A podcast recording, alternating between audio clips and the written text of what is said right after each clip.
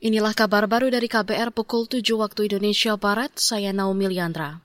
Pemerintah diingatkan agar tidak menyelewengkan pengelolaan pajak dari rakyat dan serius mengawasi kinerja pegawai Ditjen Pajak. Hal ini disampaikan bekas Ketua Umum Pengurus Besar Nadlatul Ulama PBNU Said Akil Siroj. Dia juga menyinggung kasus penyelewengan pajak yang dilakukan bekas pegawai pajak Gayus Tambunan saat dirinya menjabat sebagai Ketua Umum PBNU. Waktu itu baru ada kejadian siapa? Gayus Tambunan.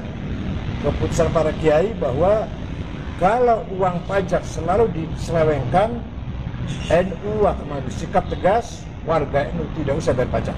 Itu tadi ex-ketua umum PBNU Said Akil Siroj usai menjenguk David, seorang remaja yang diduga dianiaya anak dari bekas pejabat Ditjen Pajak Jakarta Selatan Rafael Alun Trisambodo kemarin 28 Februari.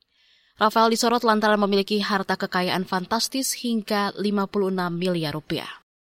Saudara, Komisi Pemberantasan Korupsi KPK mengungkap banyak pejabat yang mengisi laporan harta kekayaan penyelenggara negara LHKPN tidak sesuai dengan profitnya.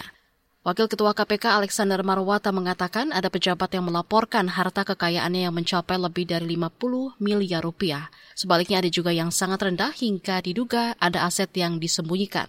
Ia juga menegaskan lembaga anti rasuah akan melakukan klarifikasi terhadap pejabat yang mengisi LHKPN dengan nilai harta kekayaan yang tidak wajar. Sementara itu hari ini 1 Maret KPK juga menjadwalkan pemanggilan Rafael Alun Sambodo terkait temuan Pusat Pelaporan dan Analisis Transaksi Keuangan PPATK. Pada 2012 PPATK juga melaporkan adanya dugaan transaksi mencurigakan terkait tindak pidana pencucian uang TPPU dengan modus nomine atau pinjam nama oleh Rafael. Hong Kong mencabut aturan wajib menggunakan masker mulai hari ini 1 Maret 2023 setelah hampir tiga tahun memperlakukan kebijakan tersebut karena pandemi COVID-19. Dengan dicabutnya mandat itu, kini warga tidak lagi harus membayar denda 1 dolar atau setara 1,9 juta rupiah jika tidak menggunakan masker. Diberitakan oleh CNN, Menteri Kesehatan Hong Kong Lo Mo Chung mengatakan dengan pencabutan itu, Hong Kong resmi telah menghapus semua pembatasan epidemi. Meski aturan dicabut, warga tetap diwajibkan mengenakan masker jika berada di tempat yang berisiko, seperti panti jompo, rumah sakit, dan juga transportasi umum. Hong Kong selama ini menjadi kota yang dikenal punya beberapa kebijakan ketat terkait pandemi COVID-19.